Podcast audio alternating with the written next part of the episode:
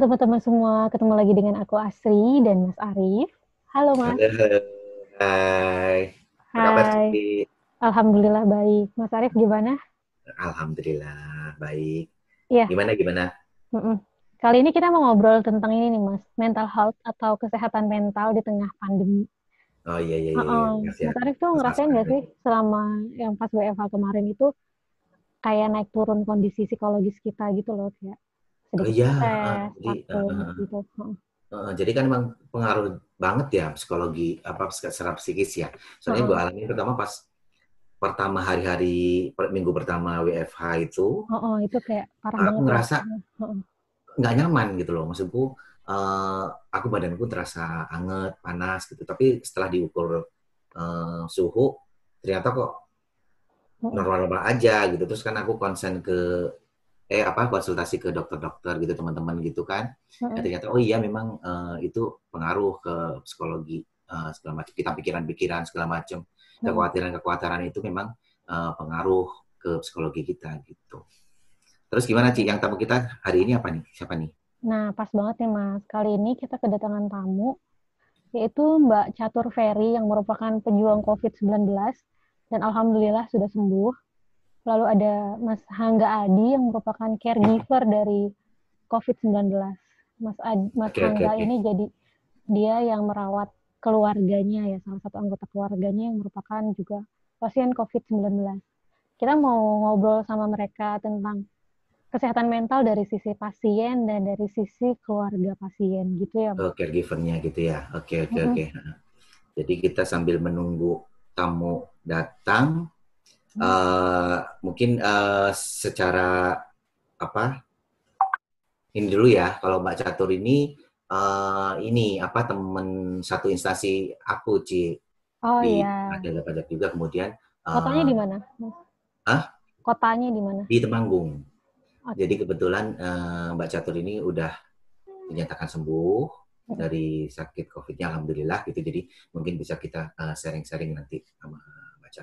Hmm. Kalau Mas Angga ini kebetulan eh, Mas Angga ini eh, teman kita juga, Ci. Jadi kan eh, Mas Angga Oh. ini kan AS Connection ya, Australia Awards Connection Oh, juga. iya. Jadi dia Mm-mm. alumni University of Melbourne. Kemudian eh, dia seorang ASN juga di apa? Satnek ya, sekretariat Oh, Satnek. Kemudian dia juga seorang ini ternyata running enthusiast, Pocari Sweat, Wow. Born to Sweat atlet. Oh, jadi sehat banget 2020. mudah-mudahan. Ah, jadi pas lah. Jadi sebagai caregiver nanti bisa sharing eh, gimana sih eh, secara langsung Mm. menangani eh, keluarga yang terkena eh, COVID-19 ini gitu. Iya. Mas udah Ci? laptopnya laptopnya bisa di ke atasin dikit biar nggak kepotong Oke. kepalanya. Oke, oke. Udah di record kan ya? Oke, kalau gitu kita persilahkan satu-satu ya, Mas. Ini Mas Hangga Adi udah masuk sih. Tadi Mbak Catur udah masuk terus keluar lagi nggak? Oh gitu. Oh. Coba aku ini lagi.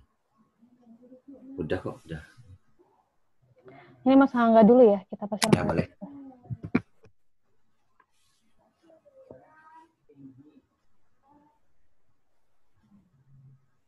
Ya. Halo, Assalamualaikum Mas Hangga. Masih connecting. Mbak Catur belum masuk ya? Belum. Bisa kasih tahu aja, Mas. Hmm. Tadi Halo. Assalamualaikum Mas Hangga. Waalaikumsalam. Apa kabar? Baik, baik. Apa Baik, kabar? Alhamdulillah. Alhamdulillah ya kita semua sehat. Ini Ci, kenalin mungkin eh, ingat juga kalau Aci. Aci kan eh, AS juga. Ini Aci, Oh, iya. ini Mas Hangga. Mas Hangga ini Aci. Salam kenal Mas Hangga. Halo, salam Ya. kenal, Mbak. Iya. Ternyata Iya, kita Iya. satu angkatan ya pas lagi PDT-nya cuman nggak belum sempat kenal. Ah, jadi Mas, Mas Angga ini tadi udah dikenalin Mas sama teman-teman bahwa Mas Angga ini eh, apa dari Australia Awards juga, alumni University of Melbourne ya. Iya. Nah, Hmm. kemudian eh, seorang AS- eh, ASN di Satnek, Sekretariat Negara, kemudian eh, apa running enthusiast juga ya. Ah, ah, Hobi, di- hobi, Mas, hobi. Keren Hah? keren. Iya hobi, Hobinya hobi ya. lari. Ya, oh, Oke oke oke. Ya kita kayaknya udah hadir nih Mbak Catur nih. Oke, sorry. Halo, assalamualaikum Mbak Catur. Waalaikumsalam warahmatullahi Apa kabar? Sehat. Sehat ya. Jadi ini kita kenalin dulu nih, Ci. Mm-mm. Ini anak sama Mas Angga, ini Mbak Catur. Kebetulan ini teman satu instansiku. Kemudian Hmm. alhamdulillah kemarin Mbak Catur ini udah dinyatakan sembuh dari eh, COVID-19 dan ini Mbak Catur saya kenalin ini Aci, Ya, halo eh, Mbak. temanku. Kemudian Mas Angga itu juga teman yang eh, kebetulan eh, beliau ini eh, caregiver untuk keluarga yang menderita juga menderita Halo Mbak, salam kenal. COVID-19. Halo. Oke, oke, jadi kita mulai mulai dulu dari Mbak Catur kali ya. Oke. Ah, pengen-pengen dengar cerita-cerita awalnya dulu. Ini ini agak-agak sedikit feedback sih, maksudnya flashback ya, agak-agak eh, ke belakang. Itu gimana sih cerita awalnya sampai eh, dinyatakan Mbak Catur itu menderita Oh. COVID-19 gitu. Oke, jadi Oke, awalnya aku itu lagi traveling.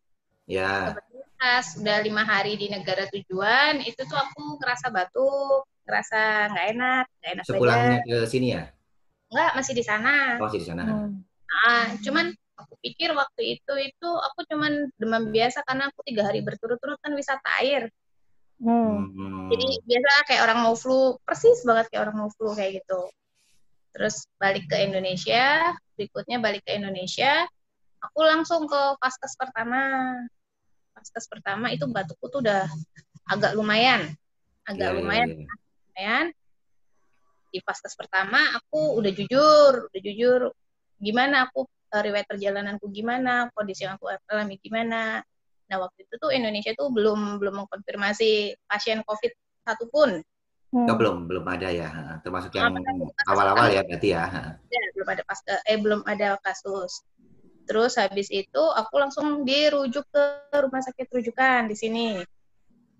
Di rumah sakit rujukan pun aku udah kayak rapid test, kayak macam-macam segala yang biasalah prosedur awal-awal gitu. Itu 12 jaman lah istilahnya. Aku udah Oh, di gitu. ruang Heeh. Pokoknya udah protokol COVID semua sih sebenarnya.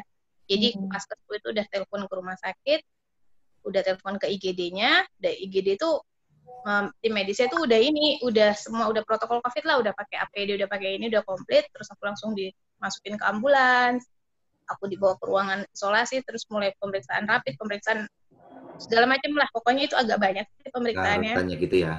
Hmm, itu sekitar 12 jaman lah. Nah itu ingat banget soalnya tengah malam itu aku baru dipanggil sama dokternya. Jadi hasil tesnya itu tidak menunjukkan eh, keanehan, tidak menunjukkan reaksi reaksi positif, tidak menunjukkan anomali eh, ke arah kalau Ah, langsung itu gitu positif gitu ya.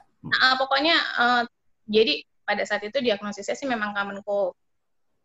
Tapi memang karena aku batuknya itu kan lumayan ngikri itu lumayan memang itu batuk terparahku sih. Hmm. Ngikri Itu- ya, itu bahasa Jawa tuh. Ah, bahasa Jawa lah pokoknya ngikri.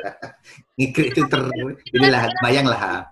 Kayak paru-paru tuh kayak kamu kayak paru-paru atau jantung tuh kayak mau ditarik gini loh kayak akar pohon tuh kayak mau ditarik gitu tuh Iya iya iya iya iya. banget itu ah itu habis itu diagnosisnya cold jadi aku memang disuruh isolasi mandiri bukan karena covidnya Ya. jadi kan, karena takutnya batuknya itu kan parah paru-parunya otomatis kan lagi bekerja lebih ekstra Hmm. nah jadi takutnya nanti kalau kena debu dan lain sebagainya malah lebih memperparah kondisi ya.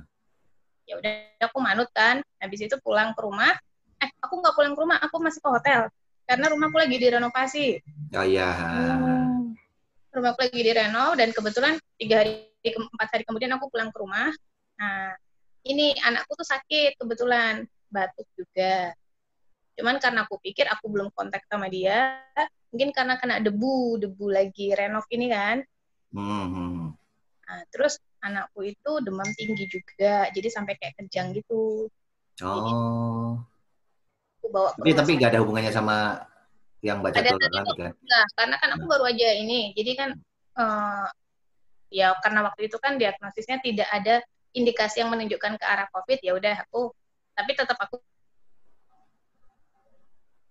protokol COVID lah istilahnya kan ini. Nah, sampai di situ Ya. sampai di rumah sakit eh, karena dokternya yang di IGD itu sudah mengenali aku dengan riwayat perjalananku, anakku juga di protokol COVID sama Ya. Ah. Nah, kalau anakku ini udah di swab akhirnya. Hmm. Di swab, terus karena aku waktu itu minta di swab juga, akhirnya juga di swab. Hmm. Dan ternyata hasilnya Itu hasilnya masih agak lama sih, hasilnya itu oh sekitar belum. harian, lima harian. Nah, eh, pas ke lima hari itu hasilnya keluar, ak- anakku dinyatakan negatif, baru aku dinyatakan positif. Nah, itu pas Hmm. bersamaan dengan itu tuh eh, eh, pas presiden itu juga baru mengkonfirmasi dua kasus positif tuh sehari sebelumnya. Itu Hmm. termasuk Mbak Catur berarti. Bukan yang yang pertama yang itu baru yang dua di- orang itu ya. Oh iya iya iya iya. Tapi setelah aku baca-baca aku udah ke 60, udah ke di atas 30-an kok kayak. Oh. Hmm. Berarti oke termasuk berarti Mbak Catur termasuk yang awal-awal Awal aku periode ada awal. ya. Nah kalau sekarang mungkin ke Mas Angga mungkin. Kalau Mas Angga tuh pengalaman itunya gimana Mas? Kok ujuk-ujuk, oh, bukan ujuk-ujuk sih. Kok eh, langsung terlibat langsung apa ada maaf apa ada keluarga apa ada eh, teman yang, yang me- menderita COVID apa gimana tuh? Nah, kalau di tracing sama sekali nggak ketahuan kenanya Hmm. di mana, Oh ketularannya gitu. itu itu nggak ketahuan. Cuma si saudara saya ini eh, gejalanya itu cuma lemes. Jadi sebelumnya udah dibawa ke dokter karena dari wayat gula darah dites emang lagi tinggi kan. Suruh pulang lagi sampai akhirnya kerasa lemes banget. Itu tak kira-kira akhir Maret ya. Hmm. 9 Maret. Terus terpaksa kita bawa IG ke IGD rumah sakit. Eh, sama protok di sana udah kayak protokol COVID karena udah, udah mulai rame kan. Nah, udah mulai rame terus langsung karena tidak ada apa ya bisa kebetulan di rumah sakit ini tidak ada dokter spesialis penyakit dalam. Jadi di IGD ini langsung mereka protokolnya diambil toraks, ronsen Hmm. Hmm. di situ langsung ketahuan di paru-parunya ada flek akhirnya eh, sore hari dirujuk ke rumah sakit tingkat yang lebih tinggi sampai eh, tengah malam lah itu. Di sana masuk triase kan. Masuk triase masih yang IGD yang untuk eh, pasien biasa. Sampai tengah malam diputusin pindah ke yang COVID. Karena Oh, suspek iya, iya. suspek diduga Soalnya masih belum ini kan, belum ketahuan tesnya kan.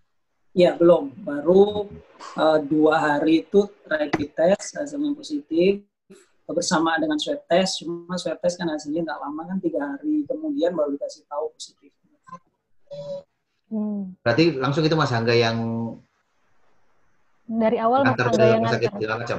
Ya benar karena di rumah ini apa ya eh, adanya golongan rentan lah Iya, menyebutnya iya, orang iya. tua. Nggak, tapi itu perasaannya gimana tuh Mas Angga?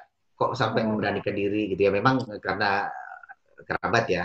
Tapi kan pasti ada sisi pergolakan juga tuh kan pasti Iya, iya. informasi tentang COVID kan udah eh, sampai juga ya. Itu gimana tuh apa cara apa pergolakan batinnya kita antara apa enggak terus ntar Iya. gimana gimana gitu. Iya, iya, iya. Pastilah ya, karena kita juga semua tahu penyakit ini belum ada obatnya, belum ada vaksinnya, dan kebetulan juga orang terdekat, ya pasti ada pergolakan.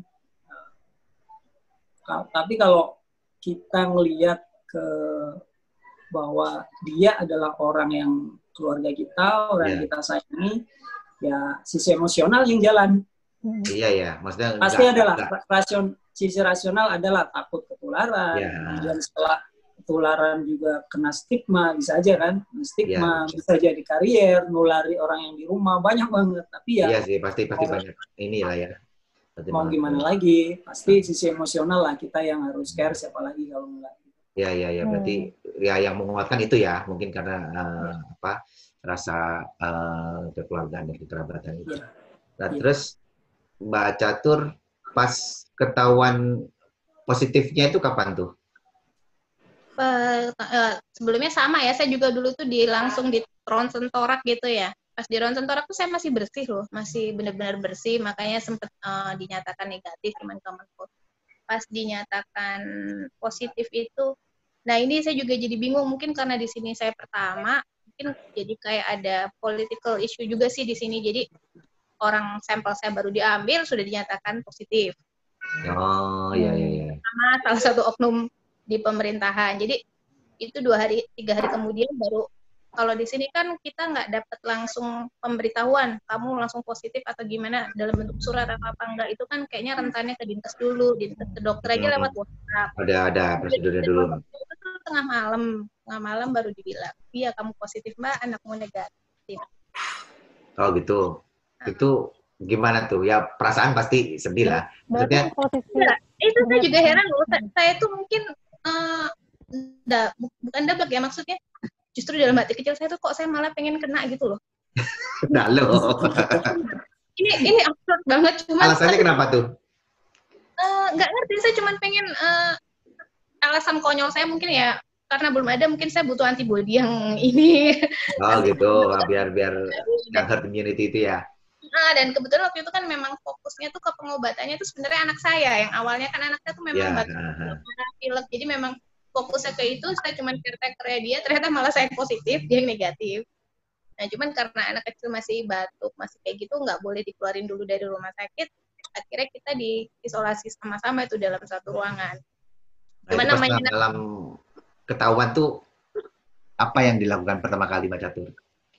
biasa aja tuh. Soalnya saya tuh ketika awal itu saya masih gejala yang ringan jadi saya belum Apa? ada belum ada Oh, macam-macam. Jadi dokternya itu pun mengobati saya berdasarkan keluhan. Karena memang di sini tuh sama Indonesia itu belum ada SOP-nya ya. Kalau kamu kena harus begini begini, begini. lebih siap tuh DKI Jakarta. Jadi dokter saya itu karena cuma ada satu-satunya di sini yang spesialis paru ini eh, dia kontak temennya yang di Jakarta gimana di sana penanganannya? Jadi kan oh. ya pokoknya murni berdasarkan memang, memang belum belum ini sih ya, belum Ada pernah ada ya. nggak ada. Jadi memang saya ditangani berdasarkan keluhan keluhan utama batuk ya saya cuma dikasih obat batuk gitu aja Oh. Pas pemberitahuan pertama itu posisinya lagi di rumah sakit apa di rumah? udah, udah diisolasi semua ya Oh, karena itu isolasi. jadi anak saya masuk sakit eh, bronkitis ya dia kan eh bronko eh, diagnosis awalnya cuma batuk lah gitulah di situ ya karena riwayat saya mungkin riwayat bersentuhan dengan saya jadi kita langsung masuknya ke Ya. ruang isolasi Hmm. jadi memang udah dipisahin dari awal tuh memang udah di ruang isolasi Jadi perlu di itu juga nih Aci sama Mas Angga. Mas Mbak Catur ini suka traveling soalnya. Hmm. Jadi lumayan apa? rentan saya juga. rasa saya kenanya di Jakarta deh. Secara Oh, gitu ketika ya? hari, Nah, hari di sana, saya udah tracing gitu ya. Hmm. Mm, setelah kan tracing dengan dokter ya kan bareng-bareng kita mencari asal mula kamu kapan terus kan kita harus tracing kan itu tetap. Hmm. Saya rasa saya kenanya di Bandara Jakarta. Oh gitu, Hmm. ya ya ya ya. ya. Cuman ya who knows ya kita nggak tahu juga ya kan Nah, kita itu nggak nggak. Karena ketika saya datang ke sana, em, salah beberapa negara yang saya kunjungi itu nol kasusnya nol kasusnya Hmm. nol dan memang ada yang udah pernah kena tapi sudah selama empat mingguan gitu dia udah nggak ada kasus lagi. Hmm. Ya ya ya ya ya ya. ya. Terus Ma- Mas Angga pas nganter kerabat tuh gimana Mas? Udah lengkap persiapan gitu mas kayak proteksi Iya diri udah gitu. lengkap apa persiapan ngikutin? Iya, iya. Hmm. Iya, eh, jadi di rumah sakit ini udah yang eh, masuk yang IGD suspek COVID, begitu ternyata COVID ya. Sebenarnya dari awal sudah siap sih. Saya keluar itu pakai selalu pakai masker, pakai jaket, pokoknya yang lengan panjang lah, sepatu, kaos kaki, yang kebuka itu cuma muka sama telapak tangan lah istilahnya. Hmm, berarti udah semua ketutup semua ya. Hmm.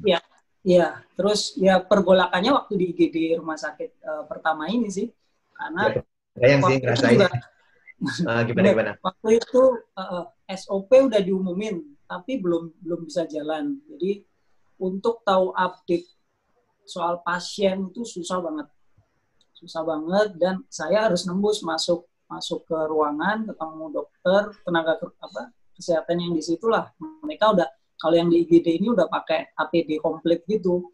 Harus nanya gimana kondisinya pokoknya agak susah. Terus uh, SOP-nya juga belum jalan. Oh, ya nggak jadi tahu belum ya begitu ketat mungkin gitu. awal-awal uh, awal-awal itu juga belum ada ini kan apa kapasitas tenaga kesehatan segala macam belum belum komplit kan.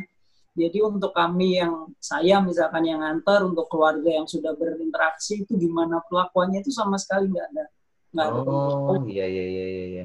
Soalnya belum ini ya pas itu kan sekitar bulan Maret kan mungkin Masih belum awal ya. begitu ah, Iya, masih awal awal. ini. kan. Hmm. betul Hmm. betul Eh, bahkan setelah 29 sampai 10 April itu harusnya kan dirujuk ke rumah sakit rujukan COVID kan. Hmm. Ini rumah sakitnya belum rumah sakit rujukan. Oh, itu yang ke sorry yang ke Wisma Atlet itu ya, bukan?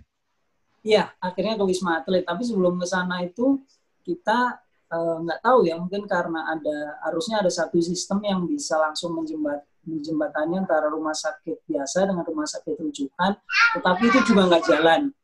Eh, dokter pun minta keluarga untuk cari rumah sakit rujukan sendiri. Saya pergi ke Wisma Hmm. Atlet, pergi ke rumah sakit persahabatan, sama satu Iya, lagi kemarin lupa. Hanya untuk Hmm. nyari informasi, nyari ruang gitu. Oh, Karena waktu itu kapasitasnya udah udah udah Full lumayan gitu. Udah Susah. full ya, udah mulai Oh. banyak. Hmm. Terus Betul. akhirnya bisa masuk ke Wisma Atlet itu gimana, Mas? ya eh, akhirnya bisa masuk Wisma Atlet setelah saya sendiri lapor ke jadi di kantor ada Satgas Covid juga Hmm. dengan bantuan salah satu dokter eh, ada channel ke sana dapat kalau misalkan ditolak bakal akhirnya keluar dengan rujukan atas permintaan keluarga jadi bukan rujukan Hmm. dari rumah sakit atas Hmm. permintaan keluarga bahkan saya sendiri yang antar tidak diantar oleh ambulan itu Hmm. juga pertaruhan nyawa karena kondisi pasien juga lemah kan Hmm. Iya, iya, iya. Hmm. jalan dari rumah sakit ini ke wisma atlet itu lumayan jauh tanpa ada tenaga apa tenaga kesehatan yang medis. apa Nah, Hmm. itu juga Bayang agak sih berarti kayak swadaya aja bahwa ini ya, Inisiatif sendiri berarti ya. inisiatif sendiri iya gitu betul ya. rujukannya rujukan atas permintaan keluarga bukan dari rujukan rumah sakit Dokter ya. Oh. kita masuk ke sana eh, diperiksa segala macam nunggu itu sampai malam jam 9 jam 10-an ya berangkat berangkat eh, sore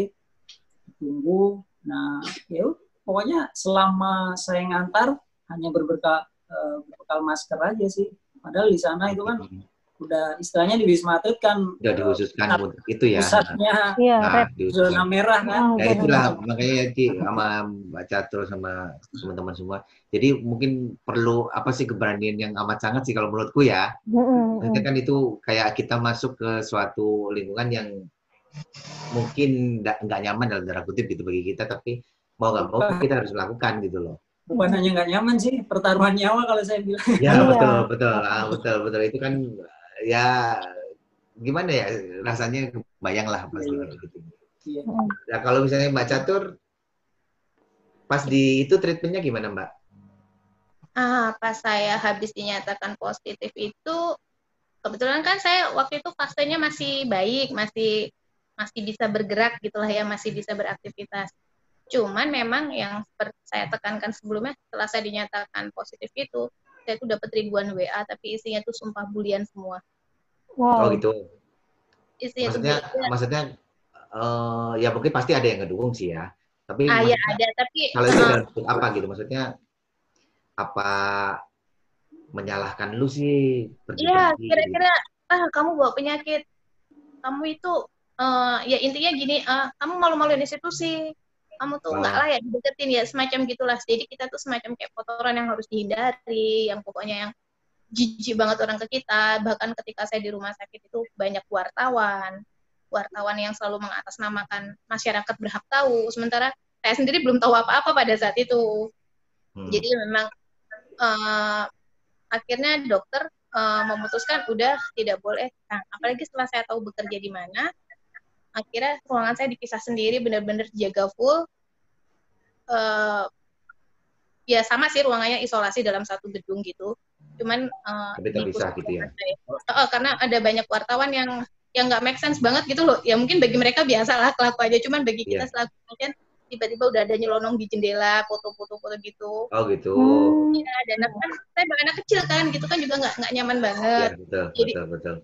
Eh, terlebih lagi ketika anak saya di swab tiga kali, akhirnya anak saya boleh pulang. Saya belum boleh pulang kan, karena saya kan masih Ya. aktif. Itu tiba-tiba udah muncul di luar, eh, saya meninggal, anak saya berhasil selamat. Oh. Oh, udah ada ada berita-berita. Dan kebetulan juga lebih parah lagi di desa saya itu ada juga yang nikahan dan juga bersama dengan ada yang meninggal dan itu dijaga polisi kan. Jadi kan semakin nambah bahwa berita itu tuh benar gitu kan. Betul betul betul. Tapi itu berarti kebayang sih per- apa Mm-mm. perjuangannya ya selain melawan Melawan penyakit tapi yang kayak mentalnya itu tuh juga sendiri, harus benar-benar mental Iya, mentalnya. itu memang mm, memang mental memang itu. Mana kan di sana kalau di ruang isolasi kalau di tempat saya itu di rumah sakit tempat saya itu sama sekali nggak ada hiburan sama sekali. Sinyal telepon pun susah jadi benar-benar udah stuck di situ sendiri. Dan kebetulan beberapa hari kemudian saya sempat dinyatakan negatif yang pertama nah, itu dokter yeah. udah senang aja. Tapi kok setelah itu saya mulai batuk lagi batuk yang sebelumnya udah hilang.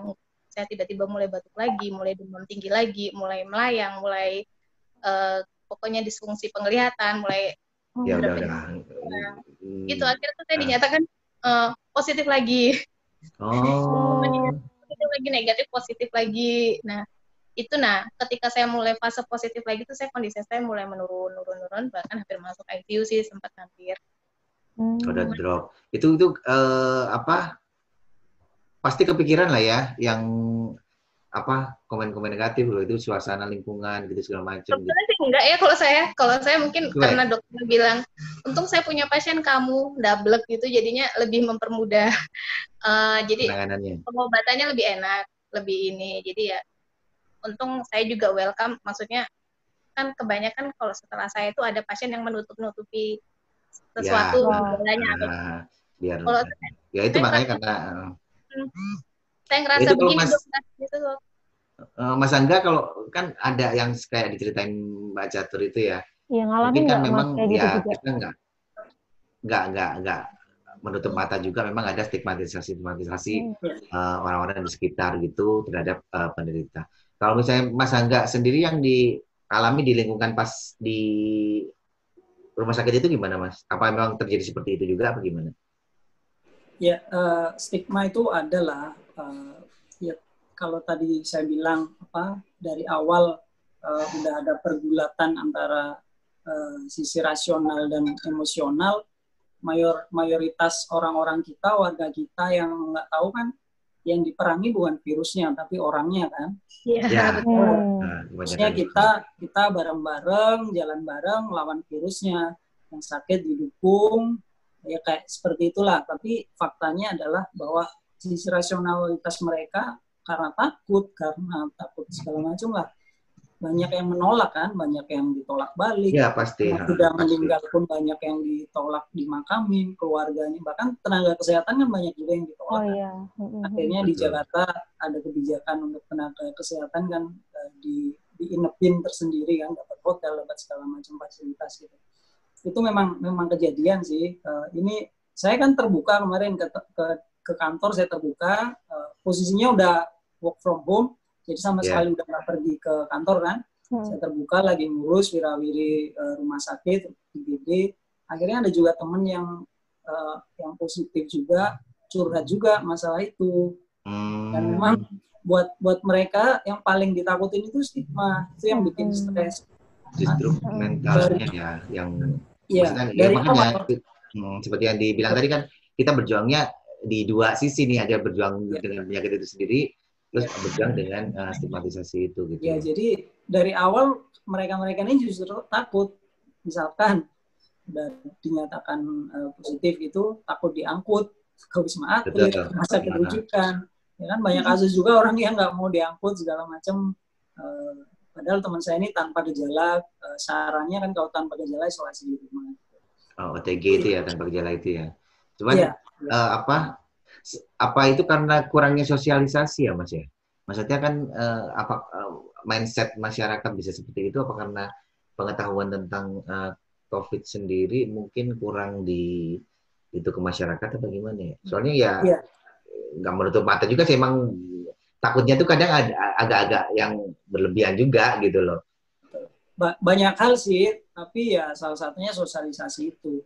Uh, dari awal virus untuk ke Indonesia kan nggak nggak ada informasi bagaimana sih penularannya dari ya, fase nah, seperti itu dari fase awal. Terus saya tahu karena saya wirawiri cari info, cari informasi dari teman-teman, uh, termasuk dalam proses itu juga ada ini kan saya dan keluarga itu dites di rapid test setelah saya lapor satgas kantor tadi uh, tahu akhirnya apa itu IgG, apa itu IgM, eh, tes hmm. apa imun rapid test itu banyak hal yang itu yang belum banyak diketahui belum oleh sampaikan ya. Jadi ya jadi jadi ya karena ketidaktahuan sosialisasi belum ada banyak yang bersikap seperti itu. Iya, iya, iya. Hmm. Kalau Mbak Catur di Agiaban gimana sih? Ya, kalau dari sisi Mas Hangga itu ngedukung anggota keluarga yang sakit untuk dukungan mentalnya tuh seperti apa ya, Mas? Maksudnya kan peranan keluarga sangat penting ya untuk kita Iya, kan iya, orang iya. terdekat gitu loh. Terlalu dekat ya? Iya, yang jelas support kita eh, selalu yang terbaik ya. Ya. Istilahnya saya selalu ngasih gambaran baik ke dia atau ke teman-teman lain, eh, bahkan di, saya share juga di sosial media. Eh, Ya, aktif kita- juga Mas Angga. Betul, betul. Ngadepin COVID ini kan penyakitnya nggak kelihatan, kita nggak tahu, nggak ada obatnya. Kita ini sama-sama diuji dalam sebuah babak ujian. Hmm. Ya, Pertama kita semua udah disuruh tinggal di rumah stay at home babak satu. Babak satu ini mayoritas kita ngalamin artinya di rumah masih bisa kumpul sama keluarga, bisa berinteraksi. Eh, sementara ada babak selanjutnya itu yang dialami oleh kami-kami keluarga atau tenaga kesehatan atau PDP yang lain Hmm. yang untuk orang serumah pun kita terpisah. Saya Betul. pakai masker, Hmm. saya pilih Hmm.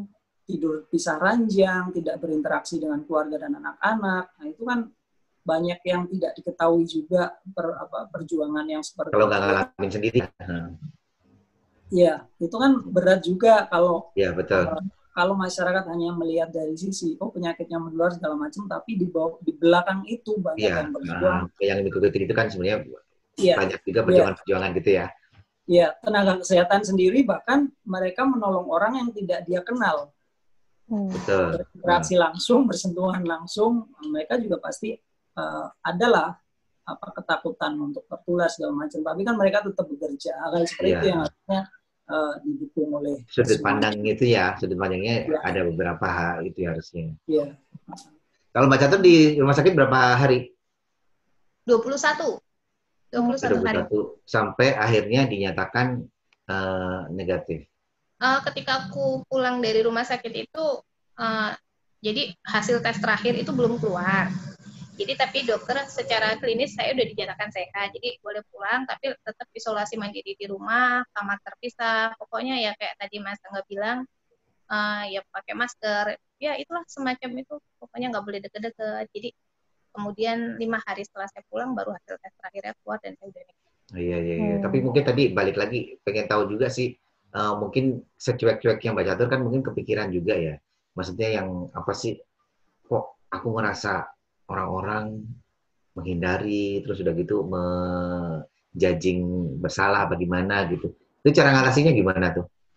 kalau aku ya mas kalau aku itu memang mungkin udah settingannya cuek ya cuman kalau yang ini jadi kalau keluarga kebetulan di desaku itu baik maksudnya nggak sampai ada yang seperti itu Ya, nah, ya. tapi keluarga asistenku ini yang eh, di kampungnya dia itu yang benar-benar dia jadi terkucilkan dan macam-macam ini jadi emang susah ya kalau eh, menghadapi hal-hal kayak gitu saya cuman bilang udah cuekin aja mereka nggak bisa. Cuman akhirnya ya ketika saya di diperlakukan seperti itu udah matiin HP udah saya nggak dengar apa-apa lagi dari itu.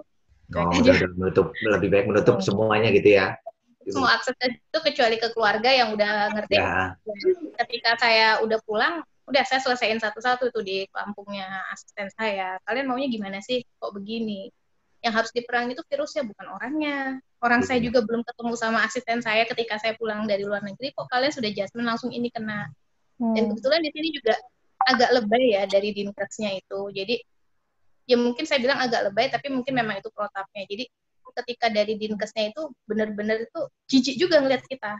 Jadi ada yang batuk di sini disuruh datang ke puskesmas ngasih obatnya tuh dia benar-benar dilempar gitu loh. Jadi jadi Oh. dokternya dokternya sendiri pun bilang begini eh kamu dari desa ini kan? Jauh-jauh dari sini jauh-jauh dari sini. Itu di depan umum padahal mereka sendiri yang nyuruh kita datang ke sana gitu kan. Iya, akhirnya iya, iya. saya blok akses komunikasi dengan mereka. Dan ketika di, Hmm, di sini kan juga di swab semua dari Jogja. Mereka tuh malah lebih welcome loh mereka malah lebih dekat dengan kita. Ya memang sesuai dengan protokol jaga jarak. Cuman nggak selebay itu gitu loh. Nah ya kan Ya. kadang ini juga membuat masyarakat jadi kok begini banget gitu loh karena Sebenarnya kan judgingnya itu nggak kan yang- nggak enak banget ya. Kalau Enak. aku sih uh, ngebayanginnya kalau Mbak Catur kan bisa dibilang lumayan apa ya uh, mentalnya lumayan berani lah. Kalau misalnya Iya bisa. ada orang-orang yang lah. mentalnya mungkin nggak sekuat Mbak Catur gitu. Mungkin itu nanti malah bikin mereka lebih drop. Iya nggak sih kalau kayak gitu? Iya lebih sebelah gitu ya. didatengin psikolog loh beneran karena itu karena kalau ketika sebenarnya kondisi dia tidak parah Hmm. cuman karena mentalnya dia gampang terganggu untuk hal kayak gitu jadi pengobatan tidak bisa masuk kan. Hmm. kira didatengin Hmm, psikolog. Iya. psikolog buat memandu gitu. Jadi malah pengaruh gitu. Terus du- dukungan keluarga dan teman-teman terdekat supportnya? Ke- kebetulan teman-teman terdekat sama keluarga saya alhamdulillah support. Jadi mereka selalu nanya kamu butuh apa? Keluargamu butuh apa di sini? Kita akan bantu sebisa mungkin dari sini. Kalau ya saya sih yang membuli saya tuh saya sendiri nggak kenal tuh siapa atau ya siapa kan tiba-tiba langsung baca terus langsung viral tuh. Viral Di- gitu iya. terus sampai Nah. eh, nama-nama pasien keluar gitu kan nggak enak banget gitu loh jadi istilahnya saya sampai hampir melakukan ya. rumah sakit karena kelalaian bagian tertentu di rumah sakit. Jadi ketika saya di sana periksa pun sudah ada eh, oknum ya, oknum perawat yang masih magang situ udah di videoin gitu, udah dibikin story. Hati-hati Oh. belum magelang gitu udah Kebayang sih. tuh itu kenapa belum belum diperiksa Hmm. udah diginiin. Bayang kebayang sih. Nah. Kalau Mas Angga sendiri nanggepin yang kayak gitu gimana Mas? Eh, ya karena niat awalnya memang kita mau support eh, anggota keluarga yang sakit, ya fokus ke situ aja sih. Ya, Hmm. yang penting kita eh, jaga diri, kasih se- selalu kasih dukungan ke dia. Pokoknya eh, kita keluarga yang ada di rumah selalu, aku saya selalu share dari dalam kita jaga imunitas dan jaga pikiran positif. Hmm. Jaga Oke, oke, imunitas oke. itu ya olahraga, minum vitamin, vitamin yang apa dianjuri sama dokter kan C, E, D dengan berjemur segala macam, jaga Iya, pikiran betul, positif, jangan jangan kemakan hoax segala macam. Dari Ya, luar itu kita yang- ya itu tadi physical distancing diusahakan kalau bukan kebutuhan primer kita nggak keluar. Hmm. sama satu lagi eh, jaga jarak tadi satunya yang kita lakuin apa ya Eh, dari itu sisi mental mungkin. Nah, kalau kenapa mas? Mungkin dari sisi support mentalnya? Eh, kalau dari support mental dari awal kita udah udah ini ya udah udah siap. Kita kita memang nggak tahu ketularannya di mana eh, mau nggak mau harus dirawat tetapi begitu sudah masuk rumah sakit terutama setelah tanggal 10 April ya.